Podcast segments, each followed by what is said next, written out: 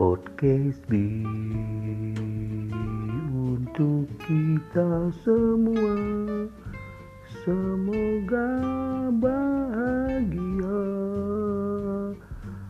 dan senang selalu dalam menghadapi kehidupan.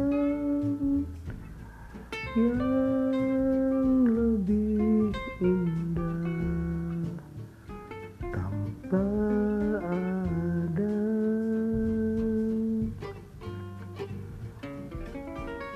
kesusahan yang melanda